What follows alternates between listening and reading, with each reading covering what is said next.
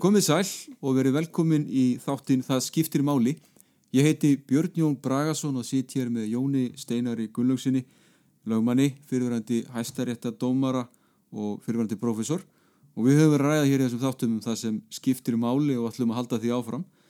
En það var eitt atrið sem okkur langaði kannski að koma aðeins eh, betur að við tölum um fjárhags tengst dómara sem að, sem að eh, voru, var upplýst um fyrir, fyrir eh, fáinum árum en uh, við erum að fundum eiginlega frekar upplýsingar um þessi mál var það ekki, Jón Steinar? Jú, jú, það eru tölvupostar, það stendur þannig á að það var mánamótin april-mæ 2010 að, að eigin sendi fyrirspurt til allra hæstartadómara um uh, fjármál þeirra í bankunum, fjármálatengsleira við bankana og baðum upplýsingar og letið sketið að þetta væri gert vegna hugsanlegs vanhæfis dómaranna í málum sem kæmu upp uh, gagvart þessum sakbortningum og, og það voru nú nýju dómarar í réttinum og fjórir þeirra svöruðu spurningum uh, þessa fjölmiðils. Það var undirritaður Ólafur Börkur Þorvaldsson, Hjördis Hákunadóttir og Pál Hreinsson sem var nú reyndar vanhæfur í þessum málum að því hann hafði uh, átt aðelda skýstlunni miklu um hrunnið. Hinnir svöruð ekki og það var bara sendt svar frá uh, hæstarétta rítara það sem saði eitthvað á þá leið að það reyndi bara á vanhæfi þegar einstök mál kæmu upp við réttin en þau voru ekki komin þá. Þetta var á, á senast voru 2010 og, og hérna og svo var þetta þessu sagt frá þessu eiginu og þar með var það búið.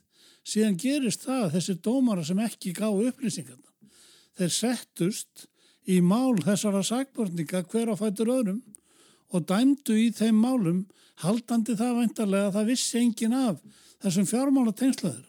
Sem átti þetta að koma í ljós og við höfum fjallað um hér áður. Sem komu svo síðar í ljós og voru ekkert smáræði í sömum tilfellum, það voru háar, miklir peningahagsmunni sem þeir hafðu. En þeir sáðu ekki frá því þó þeir fengið gefið tilefnin til þess og settust bara í málinn. Og ég bara gaggríni þetta harlega Þetta er ekki svona sem að domstólar í, í frjálsur ríki eh, eiga að starfa, aldeilis ekki. En, en voru með ekki að skilja sér á baku það að það var ekki reglur sem bönnuð þetta? Hvernig, hvernig, hvernig réttlættu menn þetta? Já, þegar þetta sprakk út í fjölmjölum þá setti nú rétturinn reglur sem gildu frá með næstu áramótum og eftir um þetta, um upplýsingar um þetta og, og þess áttar og í, því, í þeirri reglusetningu fólkstöðu þetta hefnislega viðurkenning á því að auðvitað skiptir það máli fyrir uh, dómara hvort hann getur uh, dæmt í máli sagbortnings, hvort hann á einhverja personulegra hagsmun að gæta í því sagarefni sem beintir að sagborting.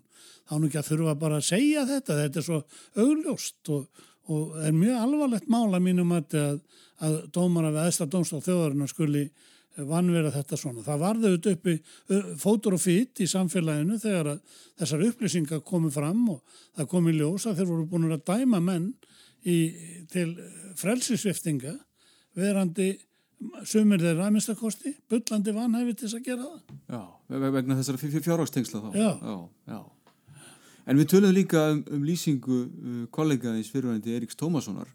Hann var nú í útvarstætti bara núna fyrir ekki svo lengu. Já, ég rósaði honum fyrir það að í viðtarstætti við Kristján Kristjánsson Sprengisandi sem var útvarpað í mæ síðastlinum lísti þessum vinnubröðum þegar þeir eru að voru að reyna að semja sín á milli um niðurstöðuna því að það er svo eskilegt að allir erðu sammála og það, hann, ég held að það verið alveg rétt lýsing og ég rósa honum fyrir hana því að það er alveg rétt að þeir, þeir reyndu það og réttar heimildirna sem eiga nú að ráða dómsniðustöðum þær eru svolítið að víkja af braut í þáu þessara hagsmuna en Eirikur sagði að menn hefði alltaf mætt mjög vel undir búnir í dómsal til þess að hlusta málfrönding. Var það, það, það var ekki, nei, nei, nei, það var ekki rétt. Það var einn eins og við höfum farið yfir áður og þetta miklar annir í dóminum. Það var einn sem var frumalendu og hafði undirbúið sér sérstaklega. Hinnir voru já það var undir hælinn lagt hversu vel þeir voru lesnir, sumi voru lítið ekki lesnir og lutur svo meir og minna forsjá annara við það hverð upp uh, dóm. En, en þá velti maður líka fyrir sér sko, til hvers er fjölskeipaði dómur? Það það er hérna, meina, þetta, þetta er þá ekki fjölskypaði dómur í sjálfu sér. Nei, nei, það er ekki verið að tilnefna fimm uh, færa lögfræðinga í einhvern panel til þess að semja um niðurstöðu dómsmálsins. Nú menn tala nú bara í daglegu málum að leita réttarsins og í því orðalagi fælst á sannleikur að menn er að ganga út frá því að rétturinn sé til staðar einhver staðar en hann er einn. Það er ekki hægt að dæma sama málið á tvo mismunandi vegu, það er nú ekki floknarnið það og það sem ræður niðurstöðunni það er beiting réttar heimildana en ekki samningar á mill einhverja manna sem eru settir saman í einhvern panel til þess að dæma mál. Og ég tók þetta alltaf hátilega. Ég skrif, ég var, mér var leið á hálsi fyrir það að skrifa mörg sératkvæði. Akkur allir það hefur verið. Það er bara vegna þess að ég tók þessar skildu hátilega og, og, og beitti bara minni lögfræði eftir, eins og ég skildi hana best eftir að hafa þetta rætt við hýna og borið saman bækur og þess aftar. En ég held mig við það. Ég samdi ekki við aðra lögfræðinga um niðurstöðu dómsmánu.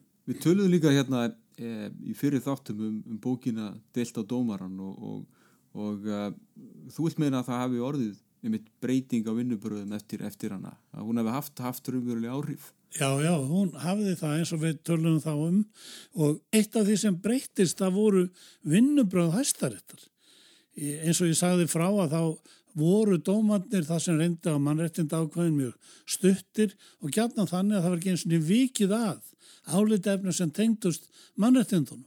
Eftir að bókin kom út, hvort sem það var út af henni eða einhver öðru, allir hafa nú ekki að verið einhver leiti út af henni, þá lengdust dómannina miklu mun og það var farið að skrifa miklu lengri dóma og ég reyndar var nú á því að í mörgum tilfellin þá væri þeir alltaf langir vegna þess að það er stundum hægt að fela kjarnamáls í hálgjörðu málæði sko og, og yfirleitt er þetta þannig að ef að menn skilja um hvað dómsmálið er, hver er kjarni málsins, þá er hægt að afgreiða niðurstöðuna í tildurlega stuttum, knöppum og skýrum texta.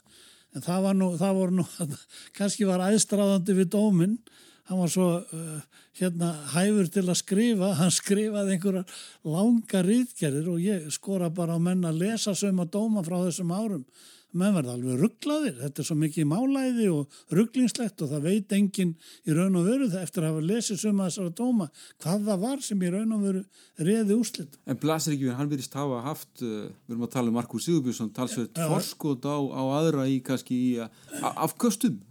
Ég held hann hafi haft það eins og ég reyndar hef skrifað um, hann var hann hafiði alveg ótrúlega afkvöst maðurinn og var svona tæknilega flinkur en það var aftur á móti annað sem snerti efni málsins, uh, málanna sem að var, var uh, já, ef að segja akkur hjá honum því að hann virtist því miður, oft vera eins og ég hef líka skrifað um, vera tilbúin til þess að ganga einhverja erinda sem að ekki átt að ganga sko við dómsýsluna. Þar er það bara ægin einn sem gildir og meðferð réttarheimilda.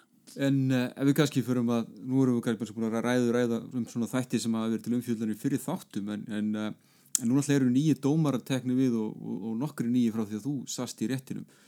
Maður veldi fyrir sig hvort að þeir mun ekki, hvort það sé ekki ný vinnubröð og líka, líka sérstaklega eftir að mála fjöldinu, þetta er orðið miklu færri mál. Hafa vinnubröðum breyst heldur? Já, það er kannski ekki alveg auðvelt átt að sjá því en það er alveg rétt sem þú segir að sko dæmin sem ég hef verið með eru frá fyrir tíð og þeir dómarar sem áttu hluti þeim, þeir eru lang flestir hættir og, og, og jáfnvel í mörgum tilfellum allir. Og, og hérna þá má spjóra til hvað sertu að þessu maður? Um hvað verðst að tala? Er ekki koni nýju menn? Er ekki, standi ekki vonið til þess að þeir verði betri en þá er því til að svara í fyrsta lagi að það sjást engin merki um það að, að dómaratinn við réttin sé að bæta vinnubröðsinn. Það sem við höfum helst séð til þeirra, það er svona alls konar klíkuskapur í, í því til dæmis að velja nýja dómarinn í hópin og þess að það sem er nú ekki mjög uh, trúverðugur sko og, og síðan held ég að þessi dæmi sem að ég er með og við komum kannski að fleirum á eftir eða í setnaðið sem þáttum að þau eru þannig að að það er nöðsynlegt að hafa þau í huga.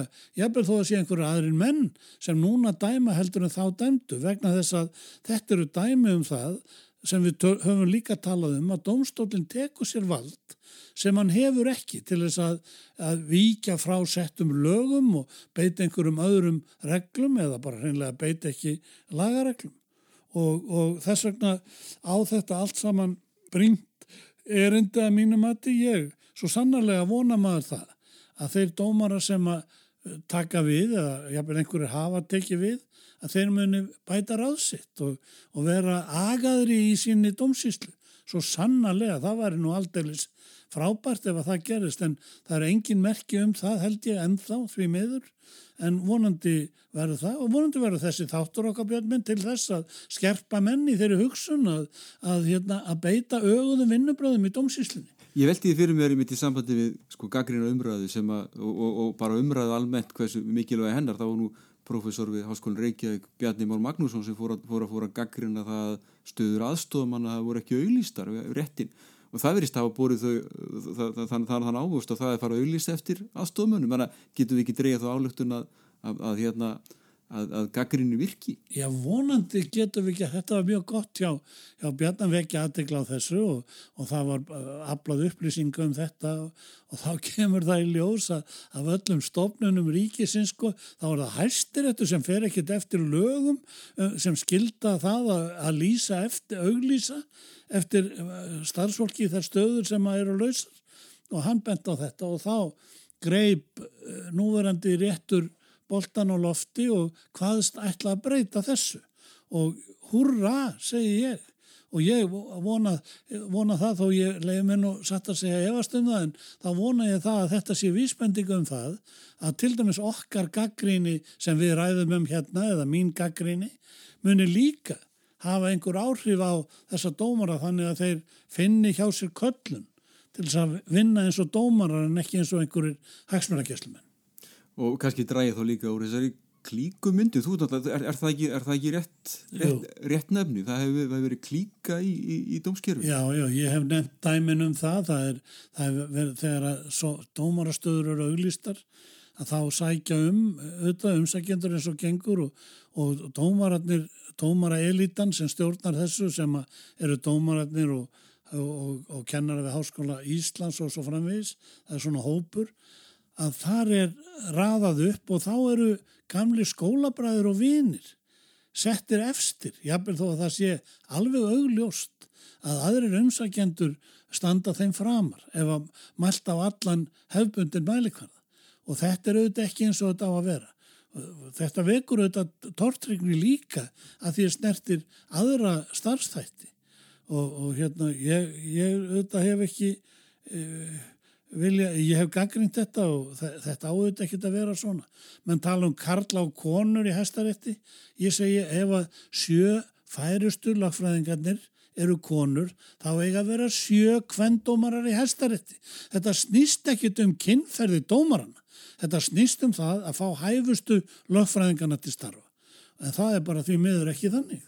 Nei, nei, en það er líka spurning með að því við tölum um þetta sem að þeir sem allavega eru lindið tala um sem framsæknar lögskýringar í, í hérna þar að segja að, að, að, að kannski fylgja ekki alltaf lagabókstarnum og kannski vera til, til tilbúinir að vera, vera í meiri réttar sköpun eh, hérna sem var, sem var, sem var já, þú, þú nefndir í fyrir þáttum í stæmum heldur að slík sjónum þessu ennþá uppi? Já, mér grunar það. það sko, ég vek aðtegla á því að það er ekki bara Eh, dómar, það, þetta eru kenningar sem hefur verið haldið fram við lagakenslu við lagadelt áskóla Íslands. Við getum kannski komið að því síðar deilum sem ég átti í við kennarann í réttarheimildafræði við Háskóla Íslands sem ungur löffræðingur um þetta. Það sem hann helt fram ótrúlegum kenningum og það eru margi fleiri sem hafa gert það og telja sko domstóla hafa vald til þess að fara út fyrir lagaraman og dæma eftir einhverjum öðrum sjónamiðum sem heldur að það sem að lögin hvaða skýrt á um. Má ég til dæmis nefna eitt dæmi sem er nú svo einfældningslegt og, og, og kannski finnst mörgum það ómerkilegt en er, þó er það það ekki. Ég veit ekki hvort að menn, já þeir sem eru komin eitthvað til ára sinna, muna eftir því að bjór var ekki lefiður á Íslandi það, það var bannað að selja bjór á Íslandi en svo fór nú að losna um þetta og menn fór að búa til eitthvað sem kalluðu færa nafni bjórlíki og hvað var það? Þeir settu einhverja skvettu af kláravíni út í pilsner og drukku það og, og, og þá voruð búin að fá einhver áfengisáhrif í, í, í pilsnerinn og, og svona og svo var það framdagsamur kaupsíslumadur sem að tók sér til og bauð mönnum upp á þá þjónustu að þeir mættu koma með kláravinslösku sem þeir hefði kæft í ríkinu. Og fengu ykkur að fullbúna eh, hérna afurði í staðin já, eitthvað sem líkt, líkt, líkt í spjór þá? Já hann, já, hann var sjálfur með túlebjór sem hann lagði til tók tappan af, held aðeins úr flöskunni og bætti lítilli kláravinskvett úti og einhverjum bræðefnum og lokaði svo aftur fyrir og svo komum menn og sóttu þetta til hans og borguðunum fyrir hans ómak og svona og þarna var bara búið að blanda sem sagt áfengi út í pilsner. Hann var ákjærður, þessi maður. Fyrir hvað? Fyrir tilbúning áfengis. En er þetta ekki bara, en var hann ekki að gera vel að bara sama og, og, og barþjóðnir er að gera á bar þegar hann hristir hérna í koktel? Ekki bara barþjóðnin á bar, þetta er eitthvað sem er gert í hverju einasta húsi í bænum. Já, eða, hús, eða, eða húsmóðurinn sem helli, helli víni í sósuna. Já, já, til dæmis. Hann var að blanda áfengi saman við óáfengan vögva og ég var nú verjandans. Mér fannst þetta nú bara eins og einhver, einhver grínsaga. Að væri verið að ákjara mannin fyrir blöndun að áfengi saman við óáfengi.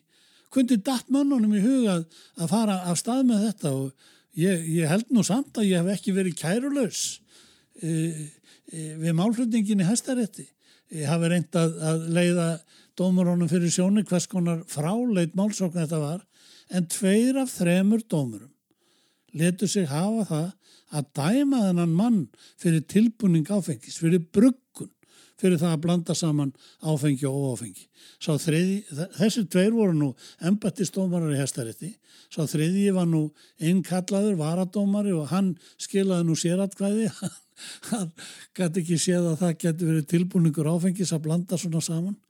Ég segi að menn sem að gera þetta þessir menn hafa sjálfsagt verið á móti því að leifa bjórin og eitthvað svona sko. Og hafa séð þarna tækjafæri til þess að fylgja þeim málstað eftir með því að dæma þennan mann sem að brauti ekkit af sér.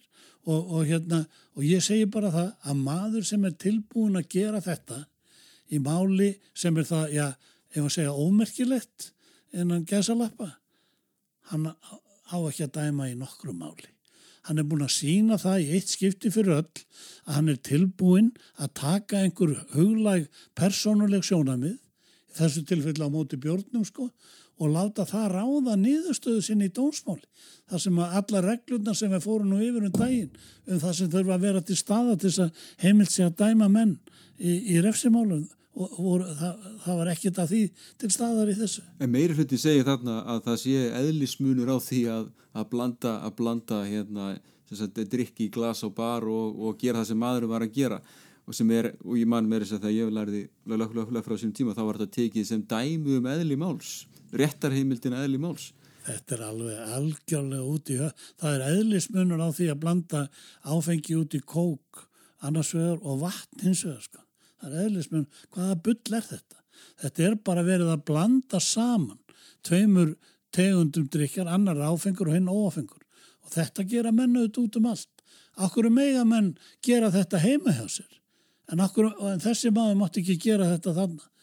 Þetta er bara, þetta er satt að segja bara eins og einhver lélegur brandar, þetta er svo vittlust. En maður veldi líka fyrir sig hvað býra baki, ég meina það var, var voru menn og fínir með sig, þau vildi ekki að fólk vera að drekka bjóri eða, eða hvað? Ég held að, það Já. er svona einhver, þetta sé ekki eitthvað sem við höfum einhvern tíma kallaði yfirstjætt sko, sem telur það að pöpullin eigi nú ekki að vera sölla í sig þessum bjór, þannig við drekkum frekar einhver höfug vín og, og svona og það, er, það lítur að vera eitthvað soliðis sem betur fyrir að þá e, get ég nú ekki skýrt þetta nákvæmlega. Og ég segi bara sem betur fyrir því að svona hugsanir eru svo fjari manni að maður er að reyna að vera lögfræðingar sko. En ég er ekki flestir, flestir lögfræðingar nú voruð allavega orðinni sammála þetta þessi, þessi dómur er bara viljins rángur Ég held að séu flestir sammála um það að, að, hérna, að þessi dómur sé náttúrulega einfalt dæmi bara um það sem að gerist þegar að menn misfara með dómsvald sitt og ég segi bara ef einhver löffræðingur er í einhverjum vafa um það þá getur hann komið til minn nýra skólafuristi og ég skal útskýra þetta betur fyrir hann. en, en ef við kannski tölum líka aðeins um það þegar lögmætt skipan verður ólögmætt. Já, það var eitt dæmi sko eins og menn muna þá var hér það, við, á, um ára, ára tugi þá var það fyrirkomulega gildandi á Íslandi að löðröglustjórar, síslumenn út um land voru líka hérastómarar og, og hérna það var nú svona ef að segja reyndi þá á það hvort að það stæðist að löðröglustjóri væri líka dómari í máli. Og einhverjur hafðu nú talað að þetta væri eitthvað aðtöðavert og það hefði verið borin upp við hæstarétt, ég held að það verið árunum 1985 eitt mál og 1987 annar mál þar sem að hæstaréttur hafnaði þessum sjónamöðum, það væri ekki aðtöð, þetta væri bara samkvæmt lögum og væri ekki aðtöðavert við það þó að, að lögurstjóri væri svo dómari sko og dæmdi í máli. Síðan gerist það að það var nú vinnur okkar Eirikur Tómasson sem fór með mál fyrir mann sem hétt Jón Kristinsson og, og kærði það til Strasborgar. Kanski, kannski kom það að því fyrir, fyrir, fyrir hvað hann var ákjærður og dæmdur. Ég held að það hefði verið ölvunarakstur eða eitthvað svolítið sem hann var sakagiftur á hendur honum. En það sem gerðist þá var það að það voru sett lög sem að skildu að dómsvald og, og, og frangatavald en þau átti ekki að taka gildi fyrir 1. júli 1992 og, og þegar að eða sem sagt þarna undir áslokk ég held að það veri 1989 að þá var mannréttinda nefndin búin að komast að þeirri niðurstöðu að þetta fyrirkomulega í málu Jóns Kristinssonar briti í báa við sáttmála. Það var alltaf mannréttinda nefnd á þeim, þeim tíma sem tók ákvörunum um það hvort, það mannréttinda nefndi sem að máli fengi, fengi efnislega með það. Já, og fórst þá með máli fyrir dómstólinn og það var búið að komast að þeirri niðurstöðu að þetta stæðist ekki og búið að hafa mál fyrir dómstólnum og, og, og nú þegar að laugin þessi hafði verið sett að þá gerði nú Jón Kristinsson sátt við Íslenska ríkið að því hann taldi að hann væri búin að ná sínu fram, það væri lagabreiting í vændum. En eh, menn áttuðu sig á því að þetta döði ekki til þess að fella niður mál nefndarina fyrir dónstólnum vegna þess að það, það var ekki fullnægandi að halda áfram að brúta mannréttindi sko í, í eitt og halvt ári viðbútt sko heldur þurfti það það bara að gera strax og hvað gerðist þá? Þá er það í áspyrjun 1990 að, að hæstiréttur mæti allt í hennu sjö dómarar eitt mál neyri dómsal sem var nú bara eitthvað svona frekar einfalt sakamál og þá, og það hefði enginn óskað eftir því eða neina gröfur Mönnum hýttir að hafa brúði við það þegar það voru nú bara almennt bara, bara þrý, þrý, þrý dómar í máli ja, þegar það er eitthvað allt í hennu byrt sjö. Ég þekki lögmanni sem var verjandi þessa mann hann, hann var alveg hissa.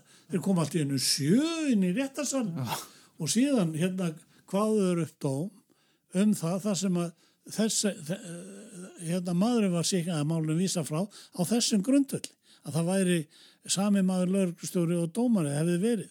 Og, og, hérna, og þá voru sett bráðabyrðalög í jólaleifinu eftir að þessi dómur gekk í áspyrjun um það að flýta gildistökku lagana sem að uh, skildu að dómsvald og frangvandavald uh, hérna, og láta það taka gildi strax.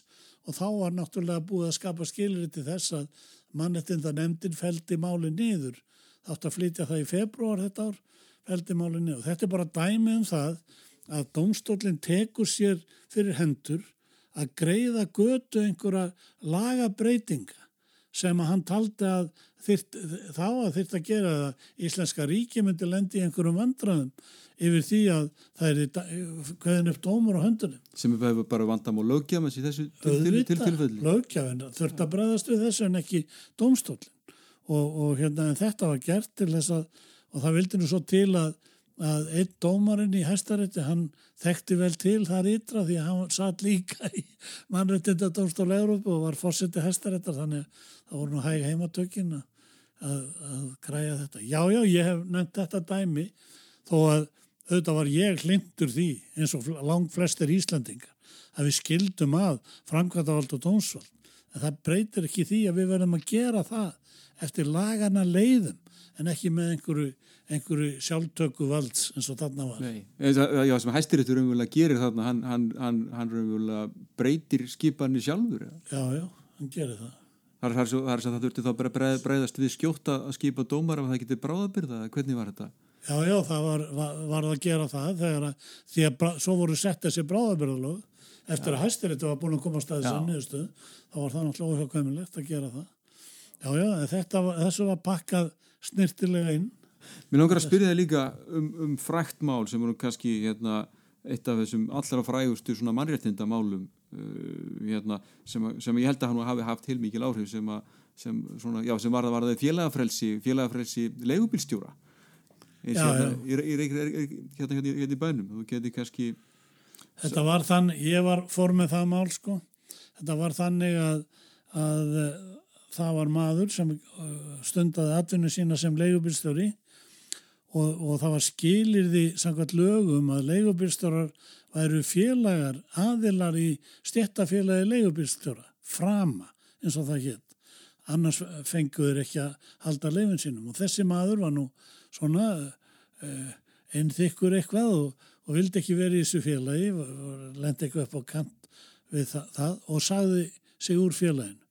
Og þá var haft lítið við og, og hann var sviftur atvinnuleifi sínu sem leigubílstjóri.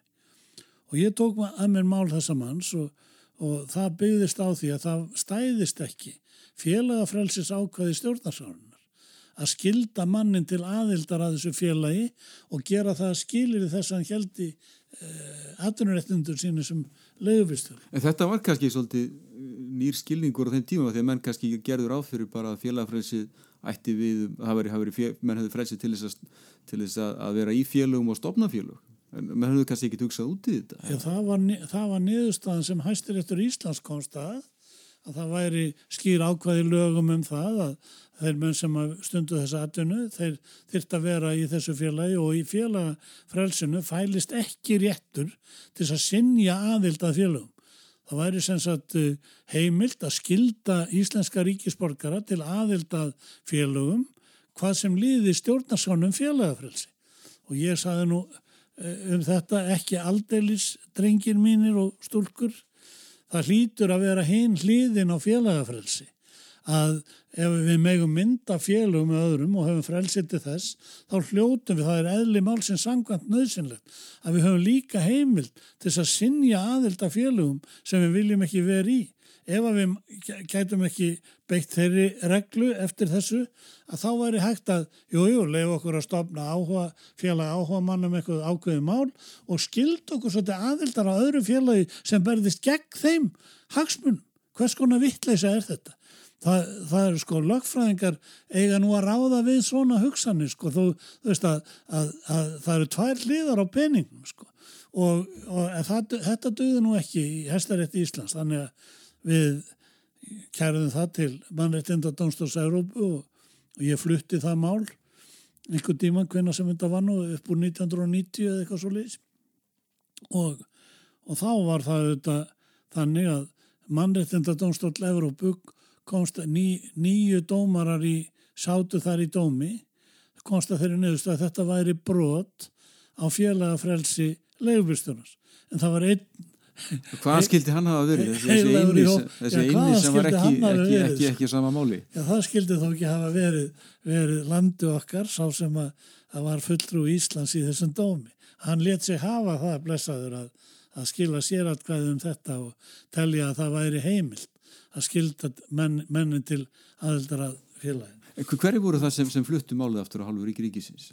Já, það voru nú þrýr mættir, ég á nú myndir af þessum atverðu upp á vegg á skrifstofunum minni. Þeir sátu þrýr við, við borð Íslenska ríkisins, það voru Markus Sigurbjörnsson sem að síðan var þósetti hestaréttar, Þorstedt Gersson, ágætur maður sem ég var nú í, alltaf í góðu sambandi við, hann var ráðendistjóri í Dómsmálalandinu og svo Gunnlegu Klassen sem var ríkislöðmaður.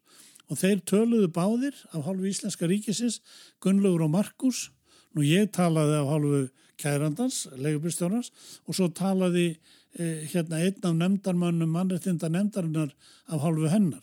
Þannig að þetta gekk þannig fyrir sig að það var auðvitað lögmaður kæranda sem bar hittan og þungan af málflutningum fyrir dómstólum.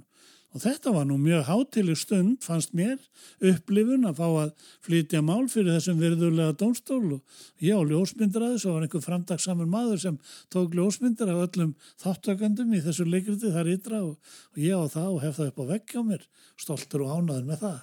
En síðan, er, síðan hérna far íslenska þjóðin amaliski og 50 ára líðveldi og menn fara í það að breyta. Já, já. Og, og það verður heldur betur útvikun á, félagafrælsinu. Já, það var bara tekið fram þó ég teldi reyndar enga þörf á því því að þetta fælst, fólst í ákvæðinu en það var tekið fram skýrum stöfum að til félagafrælsis heyrði það að mega sinja aðild að félagum. Þessu hafa menn svo ruggla saman við það að það er heimilt á vissum sviðum í stjórnsýslu að gera þeim sem eiga að sæta stjórnsýslu ákvæðinu sviði að eiga aðild að einhverjum, einhverjum hópi manna. Svo sé þetta verið í sambandið menn með, með, með skipulöðum hætti Já, Já, og það er þá bara hluti af stjórnsýsla á viðkomandi sviði eins og til dæmis lögmenn. Lögmenn hérna e, þeir eru undir agavaldi sko ríkisins, þeir þurfa að sæta því að Þeir eru líka starfsmenn réttarins. Já, þeir eru starfsmenn réttarins og, og það er ekkit aðtöfvert við það að, að að skilda þá til aðeldralöfumannafélaginu sem hefur eftirlit með því að þeir stel ekki peningum af fólki og svo framvegið sko. Og, og hérna en það var afleiðing af þessum breytingum að það var stopnuð sérstök deild í lögmannafélaginu sem var gölluð félagsdeild sko sem að sáum sömarhúsið og einhver fundi og eitthvað svona sem var skipt ekki máli fyrir agavaldið yfir lögmannunum. Ég hafði ekkit við það aðtúa, það stæðist alveg að, að skilda menn til aðeldar til þess að verða undirseldir svona einhverju agavaldi og eftirlitsvaldi, allt í lagi með það. En það gæti ekki átt við um legubílstjóra eða stjættarfélagi yfir höfuð. Sko. Ég sko, og enda, ég benti ég bara á það, sko að svoleiðis félag, það er allt í lagi að skilda menn til aðeldar af því, enda hafa þeir ekki rétt á að stopna slík félag. Það, það heyrir ekkit undir félagafrelsi. Ef að það væri þannig þá getur menn stopna félag til að, að hafa eftirlit með öðrum og þess aftur og það var auðvitað aldrei í búið. Þannig að þetta var nokkuð auglort. Mér fannst þetta alltaf vera, vera hérna freka skýrt en ég hef nú verið sagaður um að sjá hlutina í einföldu ljósi og ég axla það bara. Já, en er það ekki stundum ágætt að, að, að hérna, það, já, það er kannski, kannski líka algengt að sumir séu að reynilega flækja hlutunum og mikið já, já, í, lagfræðinni. Eins og við vonum að tala um á þannig að það er stundum gert og ég tel að það sé þetta nöðsynlegur þáttur í lagfræðilegum úrlöstunarefnum að skilja um hvað máli snýst hver er kjarni málsins vefji ekki utanum höfuð á sér einhverjum málaflækjum út og söður þannig að þeir sem lesa dómin eða forsendurnar, þeir skilja uppnið niður. En svo velti maður líka fyrir sig hvort þetta hafi ekki verið að þvælast um mikið á setni árum að eins og kröður eftir Ólafs Lárussonar er bara mjög skýr og, og, já, og klár sko. Já, já, já. já. Það, það er heilmikið til í því og það er, það er annmarki á íslenskum dómum hvað þeir eru oft óskýrir sko og það er held ég vegna þess að þeir eru að semja.